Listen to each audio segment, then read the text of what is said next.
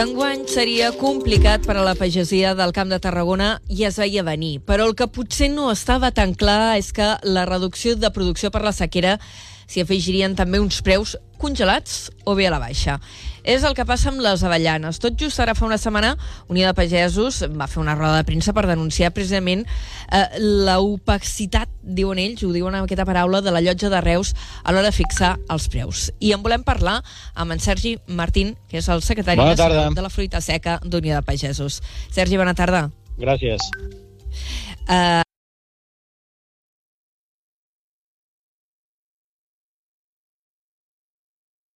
Eh, eh, la manera de funcionar de la llotja de Reus ja, ja fa molts anys que, que es repeteix la, les conductes que tenen i és que al final eh, els que són els operadors eh, passen el preu i es fa una mitjana ponderada d'aquests preus.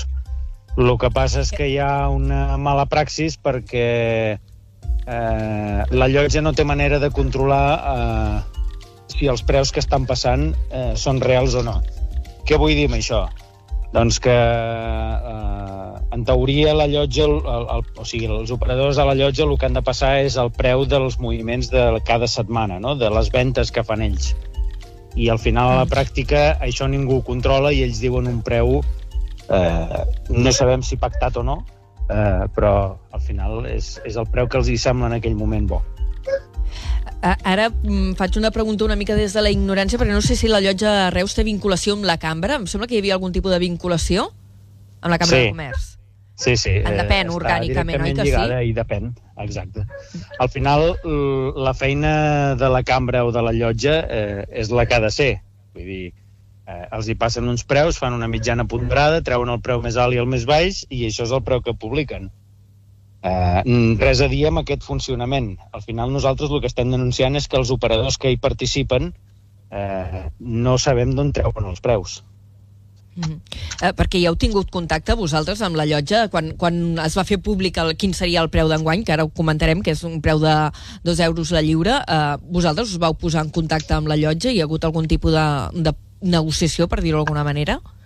Sí, de fet, la llotja fa 5 o 6 anys va, eh, va voler solucionar aquests, aquests problemes que ja venim arrastrant de fa molts anys i, i ho va fer assentant-nos a el que era per una banda els productors, amb, representats per les associacions i pels sindicats agrícoles, i de l'altra banda els operadors, no? que són els que trenquen les avellanes i les que les comercialitzen. I, mm. i nosaltres hem anat tots aquests anys en aquestes reunions i hem posat sobre la taula el nostre punt de vista, ells han posat el seu, i després de aquest, tots aquests anys eh, anar-hi, enguany hem decidit de plantar-los per lo que et deia, perquè al final eh, les pràctiques continuen sent les mateixes, eh, no traiem aigua clara de per què surten aquests preus.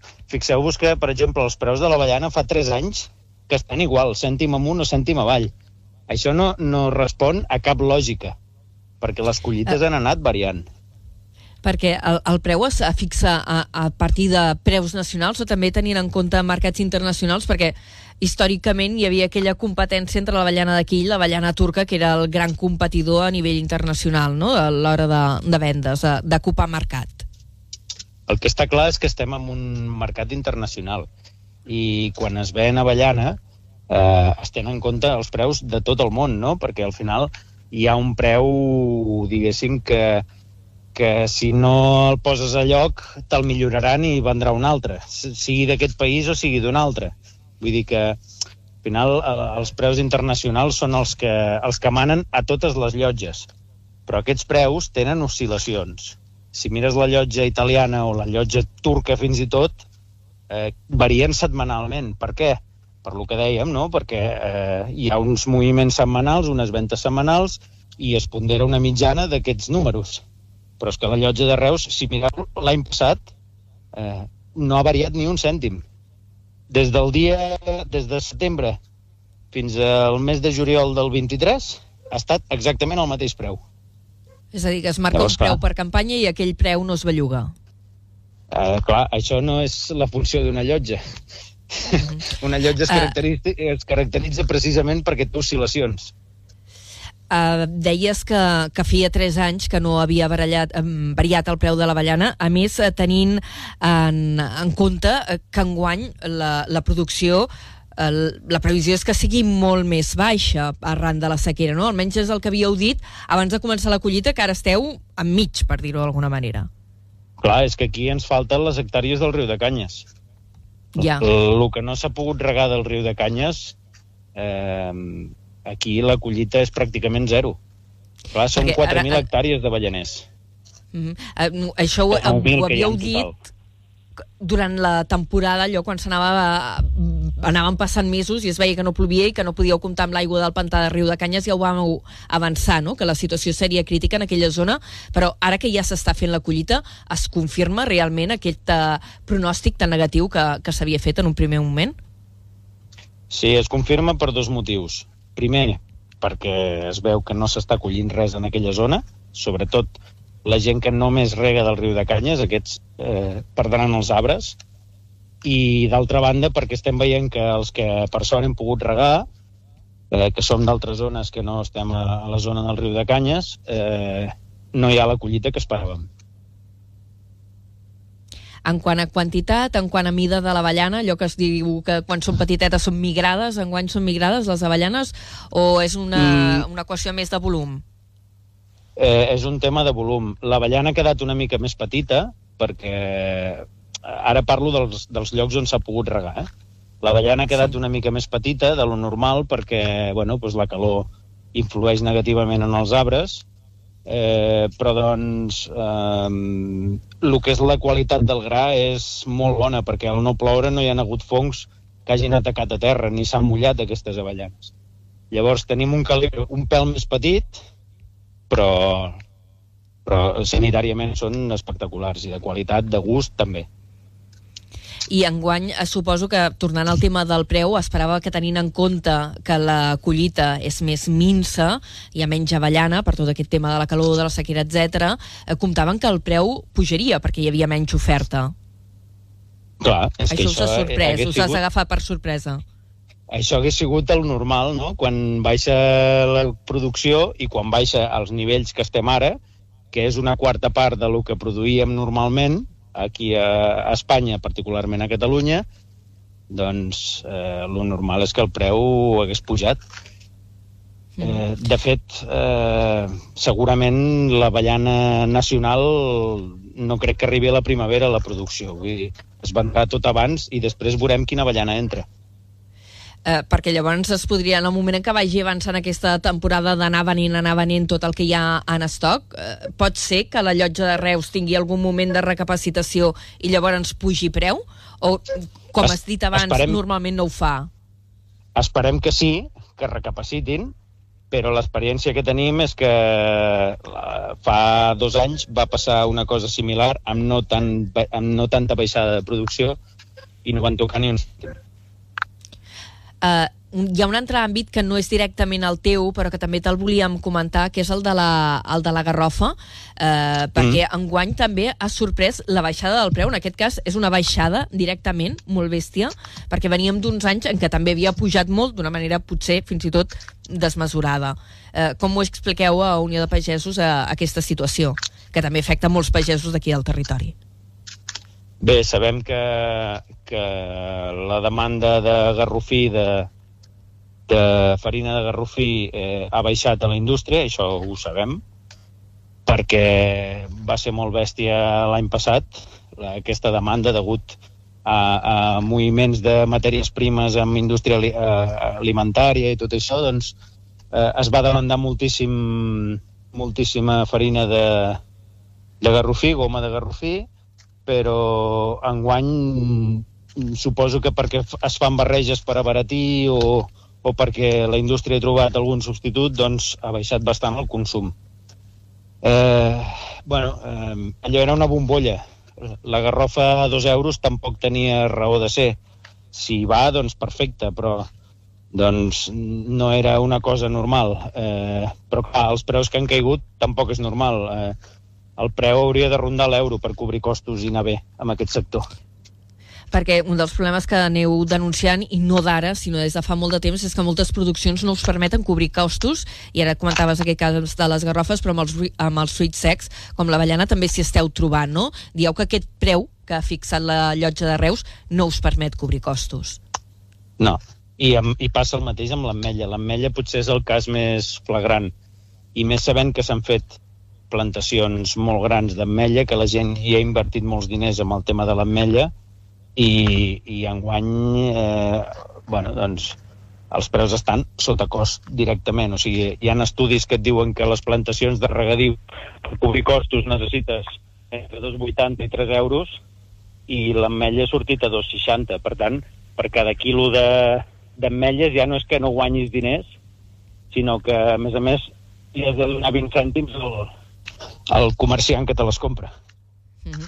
Ara tenim nou conseller d'Agricultura, el senyor Mascort. Eh, no sé si ja heu tingut ja des del sindicat oportunitat de, de parlar amb ell i de traslladar-li totes aquestes preocupacions, eh, perquè suposo que també esteu a l'espera de poder rebre ajudes pels danys que han provocat eh, d'una banda les gelades que hi va haver a principis d'any i, i després els efectes tan severs que està tenint la sequera. Bé, el que li hem dit ja al conseller, el que li hem traslladat és que eh, ha de mirar el funcionament d'aquesta llotja.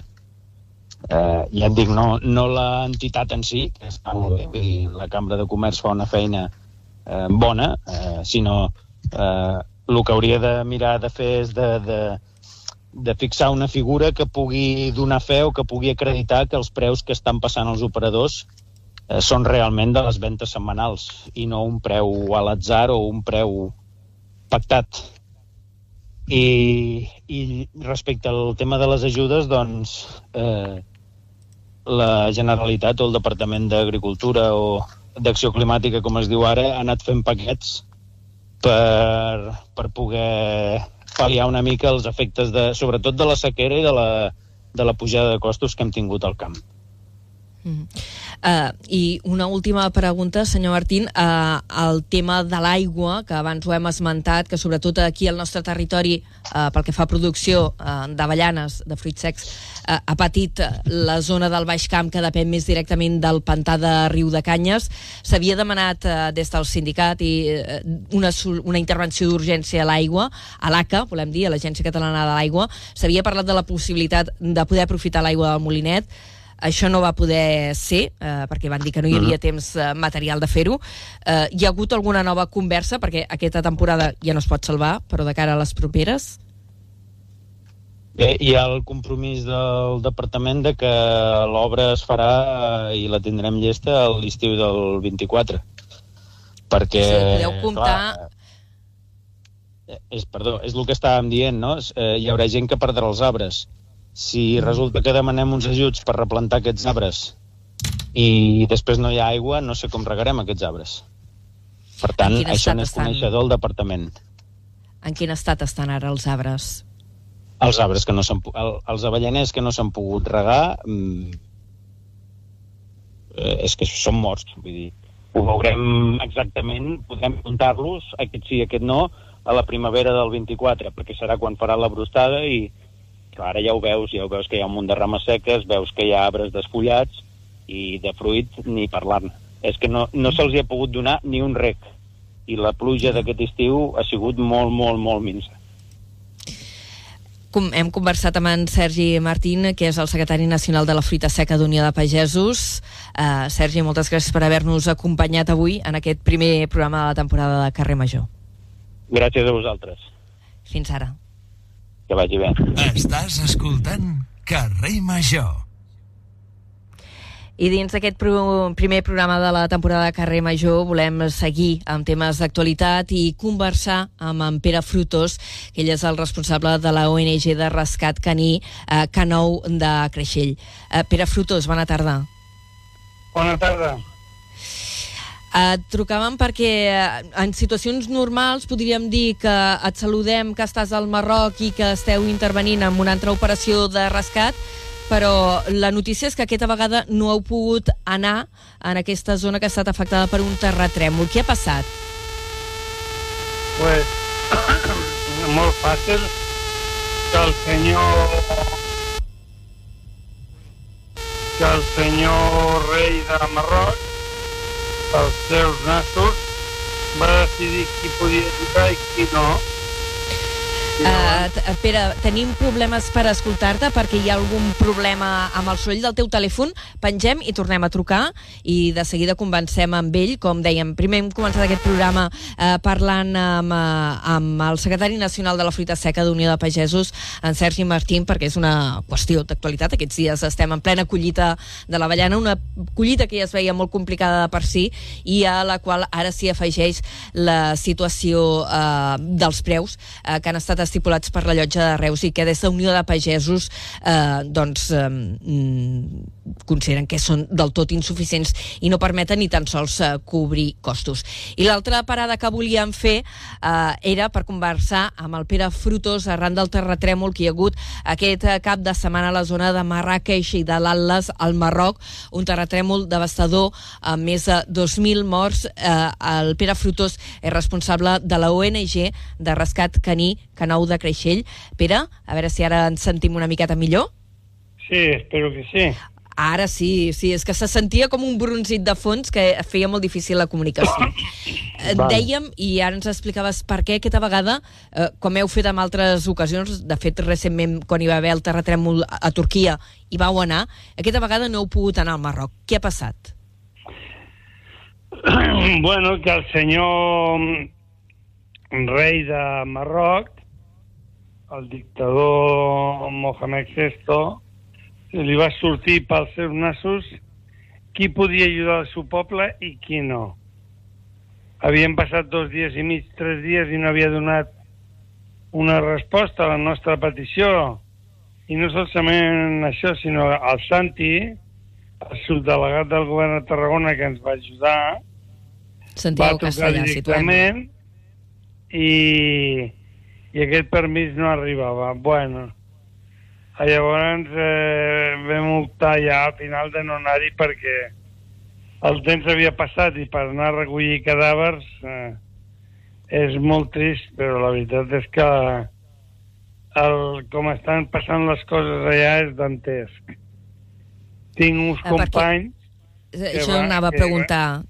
Teniu contactes, no?, amb gent que està treballant allà. Explica'ns què, què us han Sí, traslladat. tinc un, uns amics que vam treballar junts amb altres terratrèmols que es diuen Bombers per al Mundo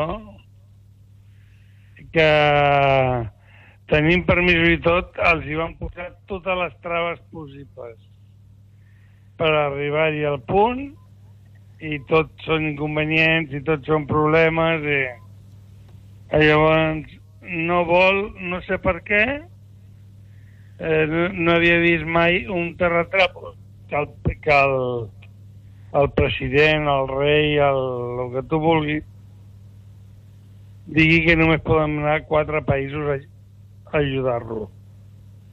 Quan la gent del seu poble ho, ho està passant molt malament. Eh, perquè vosaltres, des de les ONGs que esteu especialitzades en aquest tipus d'intervencions en catàstrofes naturals, sempre parleu de la importància d'una intervenció urgent i encara estem veient zones afectades on no ha arribat eh, ni ha l'ajuda. arribat gent ni poblacions que encara no ha arribat gent ni, ni d'ajuda ni grup de rescat ni qui t'aporti un got d'aigua perquè que és que no hi ha ni els campaments muntats pels grups de rescat eh, la veritat és que li ha sortit molt malament muntat el sistema d'emergència no existeix allà perquè no tenen la capacitat ni l'experiència que tenim nosaltres, gràcies a Déu, ja portem 18 terratrèmols i som un grup molt ràpid que en 24 hores estem treballant a l'altra part del món. I ell... De fet, amb declaracions que recollíem vostres a l'Agència Catalana de Notícies aquest cap de setmana, que de seguida que va ocórrer doncs, us van trucar per saber si, si aniríeu o no, dèieu, és sorprenent que no haguem pogut anar al Marroc, que és aquí al costat, literalment, només creuar Sí. un trosset de mar, i, i en canvi heu anat a Indonèsia i altres zones molt allunyades del globus. Hem anat a Indonèsia, a Pakistan, a Filipines, a tot arreu, i que estan a, a hores i hores de vol. I aquí que ho teníem a 4 o 5 hores no, no, no ens han donat permís per anar-hi. És trist, molt lamentable. Però és Se us lamentable ha donat- pel poble de, de Marroc. És el que a mi em preocupa, perquè ells són els que ho estan patint. Els pobres sempre són els que ho pateixen. Mentre que el rei viu quasi bé tot l'any a París, el seu poble es mor de pena i de gana ja. Perquè tenint en compte els dies que fa eh, que han passat ja ara des de, des de que es va produir el terratrèmol, eh, creus que hi ha possibilitats encara de trobar supervivents? Jo ho trobo molt difícil. Per les estructures, per, per les cases com d'arcilla, per com ha caigut, i això és a les 24-48 hores hagués sigut el moment. Ara poden trobar un cas aïllat, però no... L'únic que fem és d'enterrar morts, que dic jo. Doncs notícies d'aquestes que no són gens agradables de, de sentir ni d'haver d'explicar i que han trasbalsat moltíssima gent, tenint en compte, a més, mm, que aquí a Catalunya hi ha una, una part de població eh, d'origen marroquí molt important que segurament doncs, coneixen És gent que a, a pot mi em sap greu per ells, eh? Ja, ja. no per als que manen, sinó pel poble que té familiars allà i que volen saber com estan i, i no poden saber-ho perquè els grups de rescat no han arribat. No. Les carreteres estan molt mal fetes, molt maltretes, eh, pedres, forats, i per arribar a un puesto que es triga una hora es triguen de 4 o 5 hores a poder arribar. Tots són traves el que els hi posen els grups de rescat i, i els únics que sembla que tenen un, el vistiplau són els de la UME perquè són enviats pel govern. Mhm. Però bueno, la, unió la, la unitat militar no, d'emergències. Sí, són gent amb, molta, amb ganes de treballar, voluntariosos, però, clar, ells sols no poden fer-ho tot. Uh, Pere Frutos, moltes gràcies per haver-nos agafat avui al telèfon. Ha sigut així una trucada d'emergència que, sincerament, ens hagués agradat més no haver-la de fer perquè, si parlem amb tu, acabem parlant de, de desgràcies per mala sort. Sí, lamentablement, Pere. però algú ho ha de fer. Uh, I tant, i molt agraïble i molt lloable la, la feina que feu des d'aquesta ONG, de la ONG Canau de Creixell. Pere, fins la propera. Moltíssimes gràcies. Fins ara. Igualment. Adeu. Adéu. Adeu, adeu. Seguim en directe a Carrer Major, al eh, programa de les 8 emissores del Camp de Tarragona. Hem fet ja dues entrevistetes i ara eh, volem a introduir, a presentar-vos un dels periodistes que serà una de les veus habituals del programa, si bé no és part de l'equip, però és en Carles Cortés. Carles, bon dia. O bona tarda. Com estàs? En Carles eh, l'hem enredat perquè ens acompanyi els dilluns. Ell és periodista esportiu i casteller, que si jo ja sóc gran, ell... No és per posar-te anys, eh? però No, no, estaríem allí a la part. més, més. Ja, ja, eh, una mica més que jo no gaire, però vull dir que ja portem uns quants anys a l'esquena dedicant-nos a aquest ofici. Ara és el responsable del podcast Com ho veus de Ràdio Ciutat que feu amb l'Antoni Pinilla i també del programa de Casteller Finet i pel mig. I vam dir, enredem-lo, però jo no sé d'esports, Carles, vull dir, siguem sincers, vull dir, hi ha O gent sigui, que sap de coses... l'objectiu d'aquesta temporada és que acabis sabent-ne. Ah, mira, doncs t'ho agrairé molt. Avui ja m'has explicat coses. Val. A veure, sé lo bàsic, entén-me. Estic mínimament Val. al dia per poder explicar notícies, però sé que amb tu ho explicarem millor. I ja Molt està. bé, I moltes això, gràcies, moltes gràcies. Et van, et van voler enredar. I t'enredem per això, per fer una mica d'anàlisi del cap de setmana i ara comencem temporada i el Nàstic sembla que li ha anat bastant bé, no? Així per, per arrencar.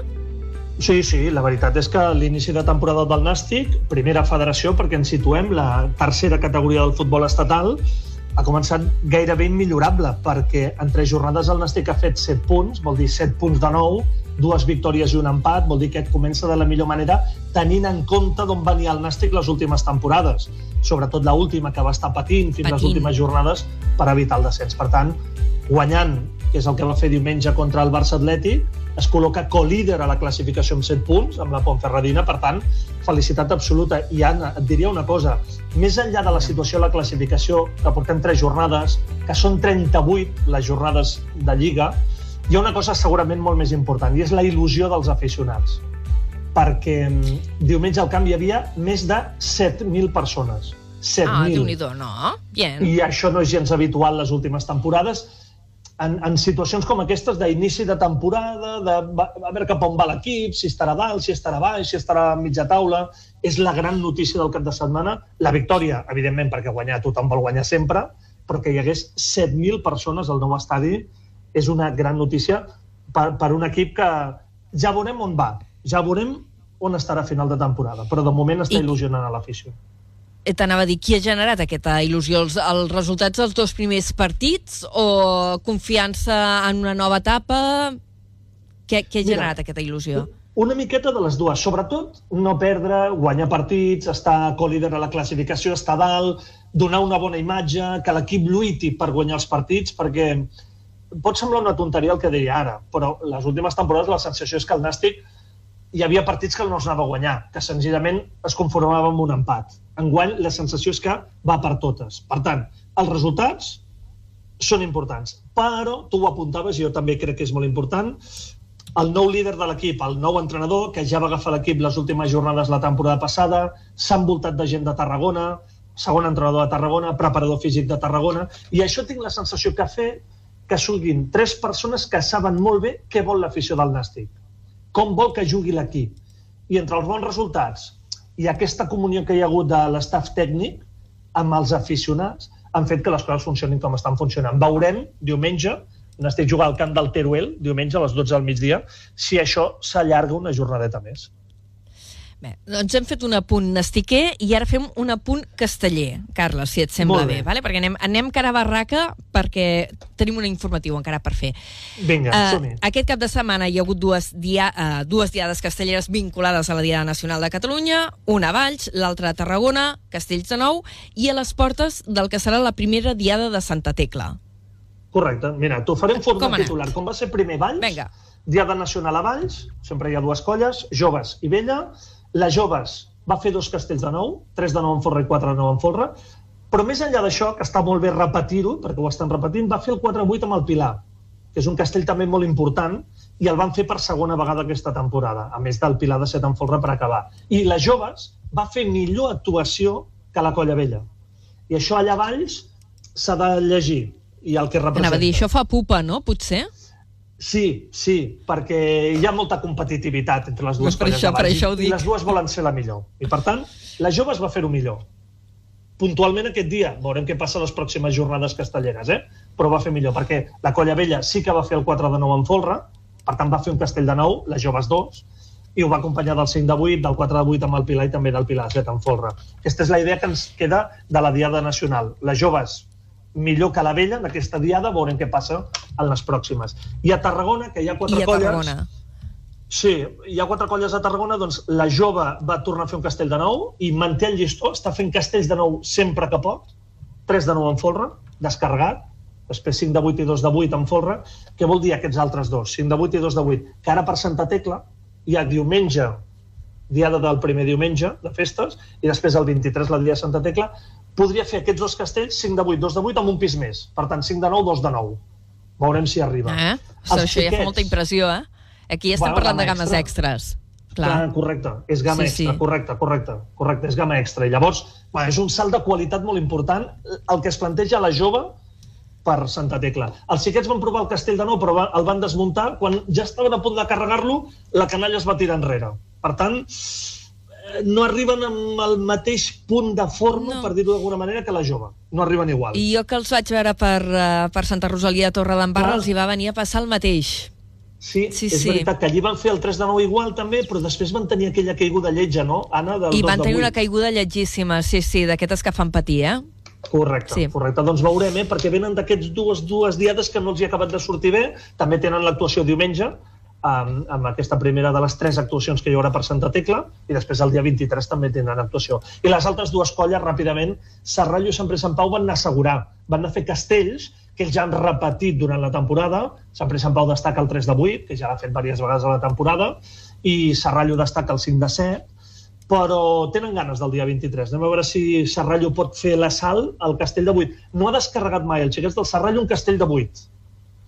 I aquest seria l'objectiu, a veure si el poden descarregar. Home, un objectiu ambiciós. Carles, Sí, moltíssimes gràcies. Avui hem parlat de nàstic, hem parlat de castells, i altres dies parlarem de- d'hoquei, de bàsquet i Hoquei, altres bàsquet, coses. sí, home, tenim... No, no, Anna, que no pateixis convingui. que coses per explicar n'hi haurà i moltes, no pateixis. Ui, no se les acabarem. Correcte. Carles, moltíssimes gràcies i per la confiança A vo- també. Merci. Fins la setmana ara. vinent, adeu. Adeu.